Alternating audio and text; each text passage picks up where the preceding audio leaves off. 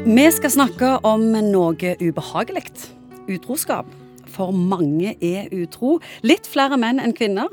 Kvinner er såpass kreative og slue at de ikke blir tatt så ofte som mennene. Men uansett, om lag halvparten av alle som er i et forhold, er utro en eller annen gang. Og psykolog Egon Hagen, hvorfor er folk utro?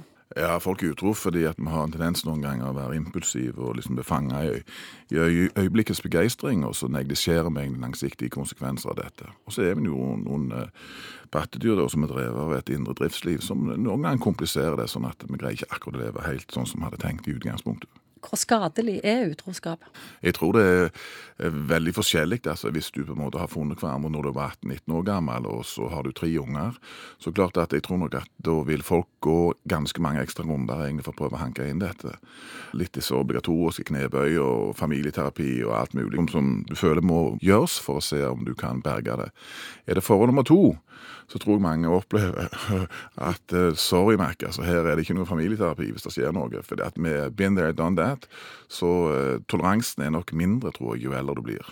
Hvor går grensa for utroskap, mener psykologen? Er det flørt, kyss, porno, sende sexmeldinger til andre? Eller ha sex med en annen? Det viktigste er hva avtale par har seg imellom. Og klart at Følsomheten rundt disse tingene er litt forskjellige tror jeg, fra par til par.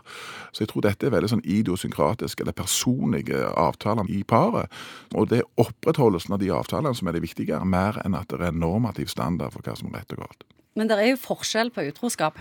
Om du har kun sex med et menneske én gang, eller om du har innleda et forhold på si. Selvfølgelig er det det. Og, og, noen ganger så har jeg jo fått liksom, den type spørsmål fra, fra pasienter som har gått hos meg. Ja, skal jeg si dette? Altså Det har vært en sånn heat of the moment-ting egentlig bare på et julebord. Og der ligger ingenting mer i det. Det var bare egentlig knytta til de alminnelige tingene som full og fanteri.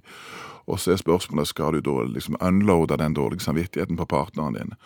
Det er ikke sikkert at det er så smart alltid. For du tenker at ok, nå, hvis jeg bare får fortalt dette, så liksom er jeg ferdig med det. Men, da skyver du hele belastningen over på den andre? Ja, sant. Og så hva er nå lurt i forhold til unger og i et litt sånn større perspektiv. Så psykologen sier at hvis en har vært utro én gang, og du vet med deg sjøl det aldri skal skje igjen, så det er ikke alltid ærlighet lønner seg? Klabb igjen, ti stilt, ikke snakke om det.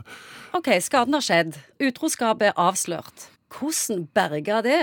Noen par børster jo dette av seg, og så er det litt avhengig av hvordan du står sjøl òg. Hvis da mannen kommer og forteller at nå skal du høre her det skjedde et eller annet her for fire år siden på et julebord, så klart at din toleranse vil jo kanskje være litt større hvis du sjøl har litt rusk i boka. Det er den ene sida av saken. Men så må du òg, hvis du er den som har gjort dette, så må du tåle å stå Tåle dette for den forbannelsen som kommer. Du må tåle kanskje avvisningssituasjon. Fordi at her er det mye sinne og frustrasjon som skal ut, og du må liksom bare søke det opp. finner jeg det.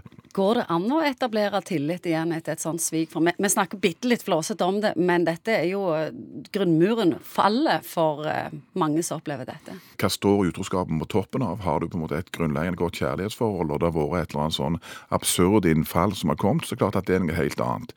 Men noen ganger så kan jo òg utroskapen være en vekker. Hva er det egentlig som skjer med oss, og hvordan er det egentlig fatt med oss, og hvorfor gjorde jeg egentlig dette? Denne type kriser kan jo noen ganger være bare ødeleggende. Noen ganger kan det være revitaliserende for forholdet, og andre ganger faktisk så kan det være en konstatering at du står på transferlista, du er egentlig på vei ut, og dette utroskapsgreien her, det var en historie om to personer som er i ferd med å seile fra hverandre.